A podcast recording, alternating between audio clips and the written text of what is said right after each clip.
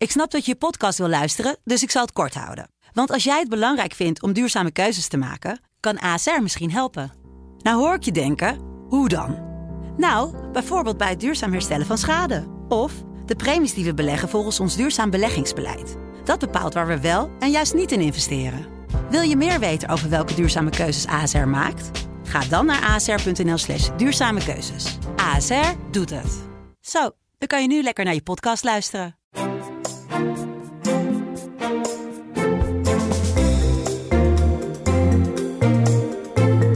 De DFT Podcast met Herman Stam en Martin Visser. Ja, mijn naam is eh, Herman Stam, coördinator van de Financiële Telegraaf. En we houden onze vierde podcast van de Financiële Telegraaf over het vertrek van Paul Polman bij Unilever en de kloof tussen het bedrijfsleven en de maatschappij. Uh, Martin Visser zit hier tegenover me op de bank.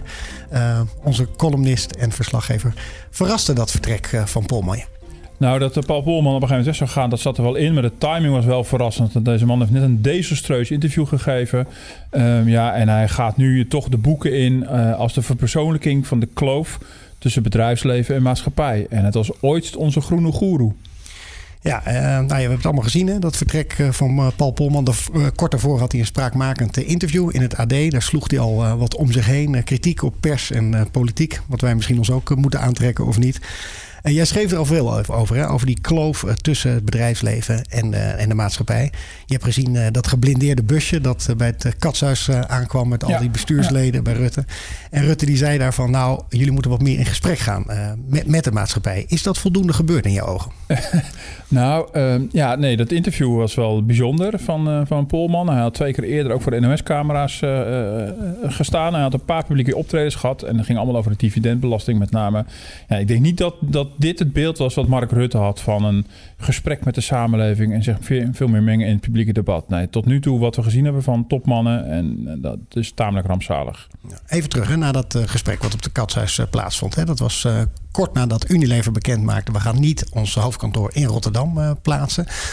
Was het nou echt een gesprek dat daarom ging? Of was het nog een wat algemene gesprek? Nou ja, dat gesprek was al gepland. Het was een, een club van president-commissarissen. Dus uh, zeg maar de voorzitter van de raad van commissarissen van, uh, van, de, van de grote AEX-fonds, dus beursgenoteerde bedrijven. Alleen de timing was al inderdaad heel bijzonder. Het vlak daarvoor werd bekend dat Unilever toch niet zijn hoofdkantoor ging verplaatsen. En zag Mark Rutte zich genoodzaakt om alsnog de stekker te trekken uit het plan om de dividendbelasting af te schaffen. En die timing was dus wel heel bijzonder. En uh, nou, je merkt natuurlijk aan alles dat die, dat die commissarissen ook wel voelden... Ja, dat dit wel een heel precair moment was. Er is ook, ook gedubt van ja, hoe komen we daar nou aan? Uh, moeten we dat in onze dikke bolides doen? Of, uh, of uh, vermijden wordt op de fiets. Nou, dat komt ook wel, zou ook wel een beetje gekunsteld overkomen. Nou, het, het compromis werd dus die, die busjes. Ja, we hebben toen meteen een fotograaf uh, in de bosjes laten liggen en, en, en, en, foto's van grote afstand laten nemen. Ja, dat zag er allemaal niet heel erg, uh, heel erg mooi uit. Maar het was een gepland gesprek die een hoge actualiteitswaarde had gekregen. Ja, en uh, nou ja, je, zei, je gaf net al een beetje een voorschot op. Hè? Je ziet daar weinig van wat Rutte als tip heeft meegegeven. Jij hebt onder andere een interview gehad met de werkgeversvoorzitter, Hans de Boer. Ja. Ehm, die herkende zich volgens mij ook niet echt in die kritiek. Ook niet na dat gesprek met Rutte. Nou ja, het was een, het was een heel interessant interview met, met Hans de Boer. vooral omdat ik merkte dat hij wel heel erg hiermee in zijn maag zat. Um, ik had hem al, al, al eerder benaderd. Um, uh, vlak nadat de dividendbelasting uh, afschaffing niet door zou gaan. En hij wilde niet snel, snel een telefonisch interview geven. Hij wilde er even rustig de tijd voor nemen. Dat interview kwam toen uiteindelijk vrij snel. En nou, je merkt dat hij daar... ja, hij zei, zoals hij dat dan zegt, dat zat voor in zijn voorhoofd. Dat is een typische manier van Hans Boer om dat, om dat te zeggen. Maar hij zit er enorm mee in zijn maag. Hij gaf ook aan Um, dat zijn achterban het advies van Mark Rutte in de wind zal slaan. Um, uh, hij zei het met zoveel woorden dat, ja, dat, dat, dat de bestuurders van grote bedrijven, commissarissen, eigenlijk geen zin hebben om op te gaan treden bij Pauw. Uh, ja, misschien een keer bij Buitenhof. Dat is nog wel redelijk rustig en keurig en braaf. -huh. Maar bij Pauw en Late Night en zo, de wereld uit door, hebben ze allemaal totaal geen zin in. Ze willen helemaal niet publieke discussie aangaan. Dus Hans de Boer mag het oplossen. -huh. Um, Krijgt hij goed voor betaald, neem ik aan? Jawel, nee, tuurlijk. Dus we hoeven geen medelijden te hebben met, met Hans de Boer. Maar het is toch wat anders. Dit is natuurlijk de opperlobbyist van de, van de werkgevers. Dus wat anders dan dat bedrijven zelf laten zien... dat zij een soort verantwoording afleggen aan de samenleving. Zo zou ik dat namelijk zien als, als, uh, als, als president-commissarissen bijvoorbeeld of, of CEO's veel meer zouden optreden in de Nederlandse media. En die behoefte is er totaal niet. Dus je ziet dat, dat grote bedrijven zoals bijvoorbeeld Unilever uh, de mond vol hebben van maatschappelijk verantwoord ondernemen. En uh, misschien er ook echt wel serieus mee aan de slag zijn. Maar vervolgens van die maatschappij ga ik bar weinig aantrekken. Dat is een hele rare discrepantie natuurlijk. Is het ook angst om uh, op te treden in de media? Ja, de af, afbreukrisico is gigantisch groot. Um, uh, ik denk ook dat we een, eh, een, een weer een andere, uh, in een nieuwe fase zitten. Een ander type managers aan, aan de leiding hebben.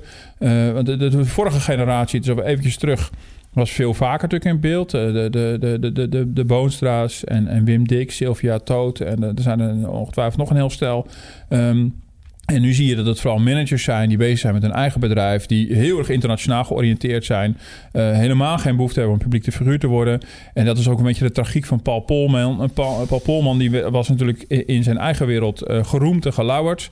Uh, alleen bij het grote publiek blijft hij nu herinnerd worden als de man die voor de afschaffing van dividendbelasting was en vooral met heel veel dédain sprak over politiek, media en samenleving. Mhm. Ja, de, de, de, de, groene pauze, die vooral naar een lange termijn uh, wilde kijken. Als we gewoon eens kijken naar dat ontslag, wat toch eerder kwam, uh, of ontslagvertrek, dat er eerder kwam, uh, ja, je moet het een vertrek noemen, um, wat eerder kwam dan gedacht.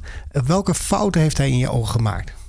Nou ja, um, um, het ging allemaal goed totdat vorig jaar er een poging kwam tot de overname door Kraft Heinz. Uh, tot dan toe heeft hij voortdurend uh, verkondigd dat hij vooral met lange termijn doelen bezig was, met duurzaamheidsdoelen. Hij nam het analisten en beleggers ook kwalijk dat ze op vergaderingen, aandeelhoudersvergaderingen ook bijna nooit vragen stelden over natuur en milieu en klimaat en duurzaamheid, armoede. Een hele, hele rattenplan. En zei, nou dat is waar ik mee bezig ben. Hij heeft de kwartaalcijfers destijds, tien jaar geleden bij aan, aantreden meteen afgeschaft. Ja, en toen er toch een poging tot vijandige overname kwam, zijn ze zich rotgeschrokken. Want dan bleek dat bedrijf ja, met al zijn goede bedoelingen heel kwetsbaar te zijn voor zo'n, voor zo'n overname. En toen heeft hij knieval na knieval gemaakt richting de aandeelhouders. En heeft hij uiteindelijk toch het korte termijn belang gediend. Iets wat hij dus eigenlijk niet had gewild en toch heeft gedaan. Ja, dat, dat, dat uh, interview in het AD, dat was niet de eerste keer dat hij zich kritisch uitliet over eh, pers en politiek. We hebben ook een fragmentje wat een stuk daarvoor zat voor ook die aankondiging van het vertrek of van het niet vertrekken van het hoofdkantoor naar Rotterdam. Maar ja, het is in de krant is altijd. In de krant is het leuk als een vliegtuig neerkomt dan dat een vliegtuig blijft vliegen. En het mensen aanspreken die zeggen het is een goed ding, is natuurlijk minder interessant voor het nieuws. Ik denk dat je wat je nu ziet, is een goed voorbeeld van waarom het belangrijk is dat wij in Nederland een investeringsklimaat hebben, dat we de juiste bedrijven aantrekken en dat we Nederland een welvarend land houden. Dat is gekomen allereerst door de openheid de Verenigde Oost-Indie Company, het, het, uitvinden van het bedrijfsmodel, dat is in feite een Nederlandse uitvinding.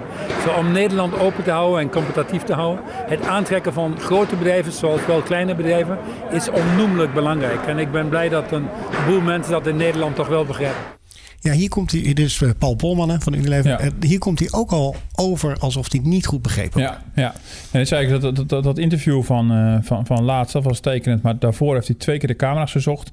En dit was de, de eerste keer. Toen was er volop discussie in Nederland over de afschaffing van de dividendbelasting. Die geen 1,4 miljard, maar alweer bijna 2 miljard zou gaan kosten. En gaandeweg werd ook duidelijk dat Mark Rutte dat uh, eigenlijk vooral deed voor, uh, voor Unilever. Dus specifiek voor één bedrijf. Um, en, en, eindelijk is op een gegeven moment Paul Polman zich gaan mengen in de discussie. En die nam het de media kwalijk, uh, ons kwalijk, dat wij geen voorstander van die maatregel uh, interviewden. En de vergelijking was van: ja, het is nu voor een krant veel leuker als een vliegtuig neerstort. Uh mhm. -huh. Wat nogal een bouwde uitspraak is. Dat, ja, het, maar dat slaat ik echt helemaal nergens op. Als dat jouw manier is om te, om te illustreren dat, dat media vooral met slecht nieuws bezig zijn. Nou, die geef ik je na, zeker. Vaker de slecht nieuws. Uh, uh, is wel een nieuwsfeit. En goed nieuws schrijven veel minder over. Dus, uh, dat is nog, nog een ding. Maar, maar dit, sloeg inhoudelijk nergens op. De manier van uitdrukken was heel ongelukkig. Dus de keren dat hij zich mengde in het publieke debat... Uh, kreeg een zulke gevallen. En inhoudelijk... ik weet nog wel dat ik met dit onderwerp op een gegeven moment oppakte. Alweer, echt alweer een tijd geleden. Het heeft ongeveer een jaar doorgeëtterd. En ik ben eigenlijk vrij open begonnen. Ik heb toen relatief willekeurig... nou, misschien wel 20, 25 uh, economen en fiscalisten uh, aangeschreven, allemaal ge-mailed met een, met een soort enquête met een aantal vragen over die dividendbelasting. Uiteindelijk kreeg ik tien reacties. Ja, en 9 van de 10 vond het gewoon een slecht idee. Uh, dus, dus het was gewoon ook zoeken met een lampje naar mensen die dit wel een goed voorstel vonden. Dus het verwijs sloeg inhoudelijk ook helemaal nergens op. Mm -hmm. Hij zegt zelf hè, dat hij nog steeds uh, goede vrienden volgens mij met uh, Rutte is. Denk, Hele je, dikke vrienden. denk je ook ja. dat het zo is? nou ja ik, ik, ja, ik neem aan van wel. Ik bedoel, ja, of ze echt, echt bevriend zijn, dat weet ik niet. Maar... Um, uh, hij was nogal verbolgen over dat op een gegeven moment iedereen opschreef dat hij met een simpel sms'je Mark Rutte liet weten van, uh, oh ja, beste Mark, het gaat niet door de verhuizing naar Rotterdam. Hij zei nee, er was helemaal geen sms'je. En uiteindelijk na doorvragen was er wel een sms'je, maar volgde er vervolgens een telefoongesprek van een uur. En ik denk dat die Mark Rutte geen goede dienst heeft bewezen uh, door ook natuurlijk te stellen van ja, als ik Mark, Mark sms, dan belt hij binnen twee minuten terug. Dat is natuurlijk een deel van, van het probleem dat heel veel mensen daarmee hebben. Dat, dat zulke soort mensen een directe toegang hebben tot de macht. Um, het is natuurlijk volstrekt logisch dat het kabinet uh, de belangen van grote bedrijven serieus meeweegt. Ik denk dat onze economie, uh, uh, dat voor onze economie het heel belangrijk is dat we zulke bedrijven hebben in ons land. Alle Unilever en Axo en Shell. Um, maar uh, ja, dat, dat zij zo rechtstreeks toegang hebben, zo makkelijk kunnen lobbyen, iets gedaan kunnen krijgen wat in geen enkel verkiezingsprogramma staat, ja, dat heeft heel veel kwaad bloed gezet. En dat is echt een soort symbool geworden van, uh, ja, van, van, van, van de invloed van grote bedrijven op onze politiek. Ja.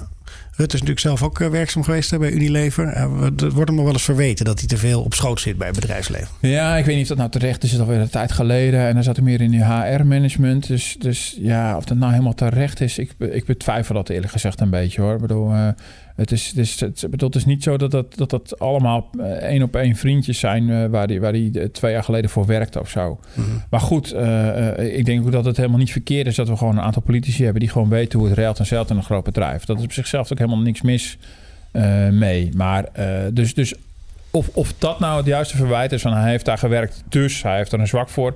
Dat, bedoel, dat, dat, dat weet ik niet. Maar wel dat hij gewoon wel een heel gewillig oor heeft voor het belang van die, van die hele grote bedrijven. En die lobby voor die dividendbelasting is ook gewoon rechtstreeks vanuit die paar grote concerns gekomen. En ja, het, bedoel, onze parlementaire redactie uh, had al vrij snel uh, ook uitgevonden dat eigenlijk nagenoeg iedereen aan die formatietafel het geen goed idee vond. En er was er nog maar eentje die het wel een goed idee vond. Dat was Mark Rutte. En dat, dat beeld is langzaam naar buiten gecijpeld. En dat is natuurlijk niet goed. Dat, je, dat, dat we op een gegeven moment zien... Ja, een premier is blijkbaar heel gevoelig voor het lobby van, van een handjevol bedrijven. En weet het dan gewoon voor ze te fixen. 2 miljard euro, het is nogal wat. Ja.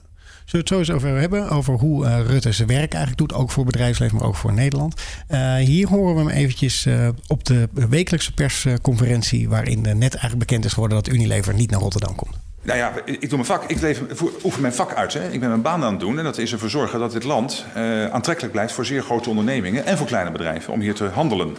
Ik moet wel vaststellen vandaag dat het een teleurstellend moment is. Het is teleurstellend dat Unilever heeft moeten besluiten dit te doen.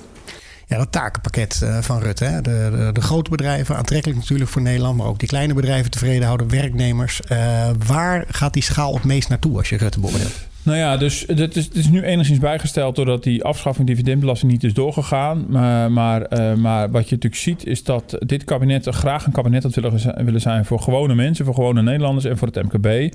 En, uh, en dat is niet zo uitgepakt. In ieder geval vooral niet in de beeldvorming, maar uiteindelijk ook niet, uh, niet, uh, niet in de praktijk. Dus hier is heel veel werk aan de winkel. En ik denk dat het goed is om een. logisch is dat je een mix maakt. Dus als je lastenverlichting hebt, om dat keurig te verdelen over gewoon werkenden, MKB en grootbedrijf. en hier is het toch wel doorgeslagen. Want ik, weet je, dit komt bovenop. Uh, nog veel meer zaken die nu spelen. Ik bedoel, het, het, om de zoveel tijd is er weer nieuwe nieuws over belastingdeals die grote bedrijven kunnen sluiten uh, met, met de Belastingdienst. Uh, rulings. ja, daar, worden mensen langzamerhand echt een beetje ziek van. Kijk, mm -hmm. kijk als, als je hier woont en werkt, heb je niet zo heel veel mogelijkheden dan gewoon hier te blijven wonen en werken. Maar die grote bedrijven kunnen naartoe waar ze willen. Dus die zijn zo internationaal georiënteerd. Die kunnen overal deals sluiten. En Nederland is heel erg meegegaan in die red race heeft gedacht, ja, om die bedrijven hier te houden, moeten ze dus gunstige deals uh, aanbieden. Daar komt het allemaal nog eens een keer bovenop. Ja. die 2 miljard die gereserveerd was voor de, voor de afschaffing van de dividend. Er zit ook nog een stukje ander bedrag in, dat weet ik. Ehm, hoe zie je dat nu terug? Hoe wordt dat verdeeld uit? Nou, dat is wel weer teruggegaan naar bedrijven. Er was veel kritiek op, maar dat leek me op zichzelf wel logisch. Want als je kijkt naar de verdeling tussen, tussen werkenden en bedrijven in het regeerakkoord over de hele regeerperiode was dat redelijk evenwichtig. Um, het is onder andere gegaan naar toch nog iets verlagen van de winstbelasting voor grote bedrijven en voor kleine bedrijven. En als je even, uh, als je het hele staatje nog eens doorneemt, dat is weer terug te vinden op, op de website van, van Rijksoverheid. Uh, dan zie je dat, er, dat, dat het niet één op één allemaal naar grote concerns is gegaan, maar ook voor een deel naar MKB. Dus ze hebben de balans weer een beetje proberen terug te brengen. Ik denk dat het ook heel verstandig is geweest. Ja, had je bijvoorbeeld deze week ook verhalen hè. Je refereerde ook al een beetje aan die belasting trucs, om het zo te zeggen. Ja. Uh, uh, waar, waar het eigenlijk zou blijken van Shell was meer uh, voor de lobby van de afschaffing van de dividendbelasting dan verlaging van de winstbelasting. Want ze betaalden toch al geen winstbelasting. Ja, ja nou dat is weer typisch natuurlijk zo'n voorbeeld. Shell in Nederland betaalde dan uh, volgens, volgens die berichten helemaal geen winstbelasting meer. Ik las vandaag ook weer een verhaal dat ze misschien zelfs ook geld terugkregen van de, van de Belastingdienst. Ja, die bedrijven zijn natuurlijk veel meer dan, dan, dan gewoon wij eenvoudige werknemers in staat om, om een ja, dat heet dan tax planning, hun belastingplanning zo te doen uh, dat je de geldstromen zo laat lopen en de winsten zo definieert dat je, dat je minimaal belasting betaalt of de, of de inkomsten laat neerslaan in een land waar het regime gunstiger is. Nou, Nederland speelt dat spel vol, voluit mee. Um, ja, en, en, en dat wordt op, op, op den duur is dat niet meer houdbaar. Ik bedoel, je ziet dat mensen daar tegen, tegen protesteren, tegen in verzet komen en, en terecht lijkt maar. Dat is gewoon niet meer te verkopen. We verdienen er ook wel heel veel geld aan uh, met, uh, aan die constructies met onze accountants aan de Zuidas. Ja, ja, ja, maar het is, het is, je kan ook te ver doorschieten. Dan is het ondermijnend voor een belastingmoraal. Uh, en dat is denk ik wel wat, wat er nu gaande is. Wat je natuurlijk nu ziet is dat die grote concerns zijn inmiddels zo ontzettend groot. Die, bedoel, die, die opereren natuurlijk al veel langer internationaal. Maar ze zijn al te groot vergeleken met, met, met de landen waar ze opereren. Ik bedoel, ze, ze zijn ook losgezongen van die landen. Dat is deels ook wat je terugmerkt, denk ik, bij die president-commissaris en bij die CEO's. Uh, ja, die hebben dan misschien wel een vestiging in Nederland. Maar die voelen zich natuurlijk al lang geen Nederlands bedrijf meer. je hoort Paul Polman bedoel, je hoort het alleen al aan zijn accent. Bedoel, het klinkt al bijna niet eens meer Nederlands. Um, het is ook een beetje Twents volgens mij. Hè, wat ja, nou, voor mij was het niet het enige wat ik hoorde. Hij, hij woont, in, uh, hij woont in, in, in, Zwitserland. En uh, kijk, dat zijn mensen, even, als je hun verplaatst, is het ook wel weer begrijpelijk. Maar die zijn natuurlijk meer in het buitenland dan in Nederland. Ik bedoel, die, die, die, die opereren internationaal. Die zijn bezig met internationale beleggers, aandeelhouders, met internationale partijen. Maar goed, ze profiteren natuurlijk wel op, op allerlei manieren van onze wet en regelgeving. En hebben hun hoofdvestiging, hebben ze voor gekozen om die in Nederland te, te, hebben. Maar de relatie met Nederland is steeds kleiner. Dat was iets wat Hans de Boer in het interview bijvoorbeeld uh, uh, ook zei. En hij gaf heel aan, dat was hij best wel eerlijk in, er ontstaat een discrepantie. Dit zijn mensen die voluit profiteren van de globalisering en internationalisering. Mhm. en, en, en die laten daar heel veel Nederlanders achter die dat juist in toenemende mate als een bedreiging zien. En dat clasht. Ja, we hadden het al even over hè, hoe, dat, hoe dat anders moet en dat ze meer de boeren op moeten. Nou, er is één man die naar voren is geschoven van die club van 18 eh, bestuurders die in het katshuis waren. Dat is uh, Jan Homme en uh, hier horen we hem aan het woord na dat overleg in het katshuis. We hebben gekeken hoe dat we met z'n met z'n allen, ook communicatief, elkaar beter kunnen vertegenwoordigen. Want eigenlijk zijn we allemaal partners van elkaar om uh, waar we voor staan mm-hmm. gewoon beter te kunnen doen. Want u vindt dat de politiek daarin tekort is geschoten? Nee, we hebben geen beschuldigende vinger waar dan ook naartoe gewezen. Als we iets zouden doen, zouden we eerst meer naar onszelf kijken dan naar de politiek. En ik denk dat we daar uh, gewoon een paar leuke adviezen gekregen hebben. Dat we misschien wat meer communicatief moeten zijn dan dat we geweest zijn. Ja, Jan Homme, commissaris bij uh, Ahold en uh, Volker Wessels, de bouwer, uh, die op Business News Radio te horen was vlak na dat overleg. Um, ja, ongeveer alle ballen op Jan Homme van jij gaat het wel vertellen namens ons en waar blijft de rest? Ja, nee, kijk, hij is, hij is voorzitter van die club, dus dat was de reden dat hij toen even naar buiten trad. Um, ik, ik, ik, ik denk niet dat hij heel veelvuldig gaat optreden in media. Hij heeft hier even kort verslag gedaan van die, van die katshuissessie. Uh, had het over leuke adviezen van de, van de premier. Uh, ik denk niet dat ze die adviezen gaan, uh, gaan, gaan opvolgen voluit. Het is ook niet het de enige oplossing hè, om veel in de media op te treden. Het gaat ook vooral om wat je doet. En dat je, dat, je, dat je laat zien dat je begrijpt hoe, hoe, wat de gevoeligheden zijn in, in, in de samenleving. Nou, of dat begrepen wordt als je afgaat op de salarisrellen van de afgelopen jaren, op de hele witwasaffaire bij, bij ING, dit gedoe bij, bij Unilever, uh, dan is het zeer de vraag of, of, of dat besef echt is geland of niet. Ja, en, is dat dan echt anders? Want ja, dat had je vroeger toch ook, dat soort rellen? Of je merkt er echt een kentering in? Ja, dat, het, natuurlijk, die rellen waren er. Maar je, je, je, uh, ik denk dat je een kentering merkt... Um, uh, op, op twee manieren. We hadden het al heel even over dat, dat, dat, uh, dat die bedrijven natuurlijk nog internationaler zijn geworden. In de zin, uh, dat is alleen maar verder gegaan. Je ziet dat, dat de functie van de CEO veel meer zich buitenlands afspeelt dan Nederlands. Dus de binding met Nederland wordt, wordt steeds kleiner en kleiner. Dus in die zin um, is dat wel anders. En ik denk dat we zo langzamerhand ook niet zo veel meer accepteren. Of we, ik, dat is heel generalistisch natuurlijk. Dat zal niet voor iedereen gelden. Maar uh, um, Kijk, ik, ik, zie het zo, het is een stapeling van, van dingen die, die zich gewoon gespeeld hebben. We noemden al de, de belastingdeals die er zijn geweest. Daar is ook steeds meer openbaarheid over. Er komt steeds meer naar buiten over hoe dat, hoe dat uh, gaat met, met grote bedrijven. Het gaat over de karige CEO-lonen die worden betaald. Het gaat over de bonussen die worden uitgekeerd aan de top. De salarissen aan de top. Uh, dat is allemaal niet nieuw, maar dat, dat stapelt allemaal op. Het gaat over um, uh, grote bedrijven die, uh, die vooral bezig zijn om te kijken waar de kosten het laag zijn. En fabrieken sluiten en, en, en verplaatsen. Ehm, het zijn de grote bedrijven die ervoor zorgen dat, dat sommige mensen in Nederland moeten concurreren met goedkope Chinese arbeiders. Het een, zijn allemaal, allemaal, allemaal zaken die al een hele tijd spelen, maar die allemaal cumuleren, allemaal optellen en toch een gevoel geven. Nou, nu is het dan eens een keer klaar. Um, en ik denk dat die lonen er ook echt wel een, een rol in spelen. Want de, de, loondiscussie is nu de, echt de afgelopen twee jaar enorm verhevigd. Waarin je ziet dat de verhouding tussen arbeid en kapitaal... dat klinkt even heel marxistisch... maar uh, uh, daar komt het uiteindelijk wel op neer... welk deel van wat wij met elkaar verdienen in Nederland... gaat naar de, de werkenden en welk deel gaat naar het bedrijfsleven. Die verhouding raakt steeds meer uit balans...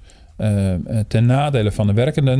En dan op een gegeven moment wordt er een limiet bereikt. En dat geldt voor die bonus natuurlijk ook. Paul Polman verdiende geloof ik 292 keer zoveel als de laagst verdienen bij, bij Unilever. Dat wordt op een gegeven moment niet gepikt. Iemand die een maatschappelijk ondernemer beweert te zijn. En dat was in totaal iets van 10 miljoen? Of? Ja, ja. ruim 10 miljoen. 11,7 miljoen. En bij, bij uitzonderlijk presteren werd het uh, meer, meer dan 13 miljoen. En ook zijn aandeelhouders beginnen dat op een gegeven moment niet meer uh, te pikken. Dus, mm -hmm. dus, dus daar, daar zit een grens aan. En ook het gevoel dat je het niet meer kan controleren. Maar deze bedrijven staan op zo'n afstand van van nationale politiek, dat we ook niet meer weten hoe, hoe, we, dit, uh, hoe we dit moeten begrenzen. Dus de grip op zulke bedrijven begint steeds kleiner te worden. En hun, en hun betekenis voor de, voor, de, voor de economie wordt steeds minder evident. Ja, die aandeelhouders, hè, je noemt ze. In, in het geval van Unilever. Uh, ze kunnen zo'n bedrijf ook steeds meer sturen. Hè. Het wordt Britser. Ze krijgen nu als opvolger van Polman een, een schot. Ja hoofdkantoor blijft in Londen. Uh, moeten die aandeelhouders ook meer gaan doen om een bedrijf te sturen, bijvoorbeeld naar meer maatschappelijk verantwoord ondernemen? Nou ja, dat, dat, zou, uh, dat zou wel goed zijn, uh, denk ik. Dus dat is wel een discussie die nu echt heel erg leeft. Eh, dat is ook de worsteling van Paul Polman geweest, die inderdaad steeds boos was van waarom stellen jullie nooit een vraag over alle goede doelen waar ik mee bezig ben? Nou, dat interesseerde die beleggers gewoon geen moer. Die wilden gewoon rendement. Zo simpel was het. Um, maar je, wat je wel merkt is dat daar wel uh, ook onder uh, beleggers zelf wel discussie over is. Ik vond het heel interessant dat echt heel recent een, een, een heel congres van Eumedion, uh, dat is de club van grote institutionele beleggers zoals pensioenfondsen, helemaal gewijd was aan dit thema. Wat is nou de in de toekomst nog de, de functie van de onderneming? Dat klinkt heel bazaal eigenlijk. We hadden daar ook een, een, Britse spreker uitgenodigd. heb ik nog geïnterviewd. Een Britse professor die bezig is in, in, Engeland met de British Academy om een heel groot onderzoeksproject hierop te zetten. En, en die, die ook die vragen probeert te stellen. Dus in, in, in de wetenschap, in de grote bedrijven, bij grote beleggers zijn ze hier wel mee bezig. Want zitten er geen grenzen aan, aan, aan deze manier van omgang tussen bedrijven en, en, en samenleving? En zouden niet manieren gevonden kunnen worden Waarop, waarop wij met elkaar ook als, en ook als aanhoudersbedrijven veel meer proberen te duwen richting uh, lange termijn doelen. Nou, Polman heeft echt een dappere poging gedaan. Mhm. Maar daar was het uiteindelijk ook heel moeilijk. Ja, wantrouwde je het soms van Polman? Uh, nogmaals gezegd, was een soort groene pauze. Er waren altijd wel ja. wat soort stukken, ook tijdens aandeelhoudersvergadering, van dan komt hij weer. Ja. Maar uh, zag je wel dat het heel gemeend was, die boodschappen? Dat hij gewoon te weinig gehoor ervoor kreeg? Ja, nou, ik vind dat, dat is altijd heel erg moeilijk. Ik denk dat, dat wantrouwen heb ik zeker. En ik denk dat heel veel mensen dat hebben. Want ja in hoeverre is het echt. Um, eh, echt, echt gemeend? En in hoeverre is het een soort hobby van een CEO? Dat is wel heel lastig uit elkaar te houden. Of in hoeverre is het eigenlijk gewoon een alternatief businessmodel?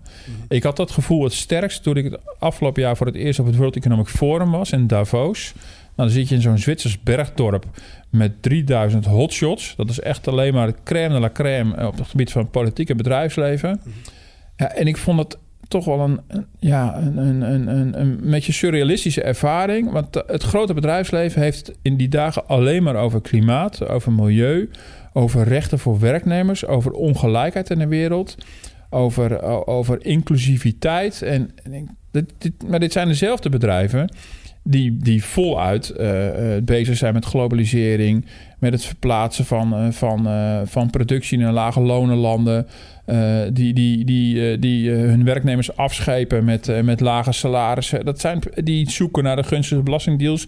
Ja, dat, dat, dat, dat gaf een conflict in mijn hoofd. Het is een beetje een soort bono die, die de wereld wil verbeteren, maar wel zorgt dat zijn eigen belastingzaakjes goed op orde heeft. Dat, en dat trekken mensen dus gewoon niet meer. En dat vond ik ingewikkeld daar in Davos. En ik denk dat die mensen, die CEO's, echt oprecht bezig zijn met die, met die doelen. Maar dat ze zich niet realiseren hoe dat overkomt bij het grote publiek. En daar is echt nog wel een enorme wereld te winnen. Ale- Alexander uh, Rinoy Kanne, een, uh, een persoon die wij ook allebei goed kennen als uh, SER, voor, uh, oud SER-voorzitter Ja. en D66-kopstuk, die mengt zich ook in de discussie op uh, Business News Radio erover. Wat nu heel schadelijk lijkt te zijn, is precies de weerzin die is ontstaan tegen de globalisering. Het opengooien van internationale grenzen. Want daar heeft het bedrijfsleven natuurlijk enorm van geprofiteerd. Dus dat belang is evident beschadigd. En als we niet uitkijken, zal het verder beschadigen. Het bedrijfsleven was altijd al een groot voorstander van Europeanisering en internationalisering. Europa staat er niet goed voor en ook daar is de invloed van het populisme waarneembaar. Dus dat zijn allemaal basisbelangen van het bedrijfsleven. Ik verwacht ook niet anders dan dat het bedrijfsleven mee zal willen denken en mee zal willen doen. Maar het moet echt wel in combinatie gebeuren met de publieke sector, met de overheid en politiek als regisseur. Ja, Rinoy Kan die zelf zegt van kijk, het werkt uh, populisme in de hand. Ja, nou daar maken we grote bezwaar tegen. Ik bedoel, uh, wat de suggestie hier een beetje is, is dat, dat, dat mensen die, die uh, kritisch zijn op Europa en, en tegen globalisering zijn, automatisch populistisch zijn. Dat vind ik, uh, dat lijkt me een versimpling. Bedoel, uh, hij klinkt hier redelijk oprecht hoor, maar ik denk dat we moeten uitkijken om, om, om die kritische geluiden ook echt weg te zetten. Um, ik denk dat het daarvoor echt veel te serieus is. In de economie zijn een aantal grote uh, geleerden bezig zijn met, met, het thema globalisering. Echt al jaren. En krijgen nu eindelijk met je voet aan de grond. Die ook aan proberen te tonen dat het voor sommige mensen echt heel slecht heeft uitgepakt. Um, kijk, de, economen redeneren heel erg gewoon in, in macro en in grote gemiddeldes. En dan is het zo dat internationale handel uiteindelijk gemiddeld genomen voor iedereen het beste is. Daar profiteren we uh, gezamenlijk van. Maar dat betekent niet dat elk individu daarvan profiteert. En je ziet het natuurlijk terug bij de Brexit-discussie, je ziet het terug bij Trump. Er zijn wel degelijk groepen aan te spreken in de samenleving die ondervonden hebben um, dat het ook voor hun slecht kan uitpakken. Als de staalindustrie uit de VS vertrekt, uh, is dat economisch gezien logisch. Maar uh, die economische logica heeft die staalarbeider geen zak aan. Mm -hmm. En dat geldt bij de Brexit natuurlijk idem dito. Uh, het probleem is inderdaad dat, dat daar inderdaad die populistische politici opduiken en die beloftes doen uh, die, die die mensen ook niet gaan helpen. Uh, maar de klacht in zichzelf is niet populistisch. Het is exact hetzelfde met de kritiek die er op de Europese Unie is. Het idee dat we macht uit handen geven, geen greep meer hebben op hoe we het in ons land geregeld hebben. Ja, je ziet nu de gele hesjes overal uh, rondlopen. nou, er zullen misschien ook wel raddraaiers tussen zitten, maar dat heeft hier ook mee te maken. toch het gevoel van we willen het in eigen land weer goed geregeld hebben.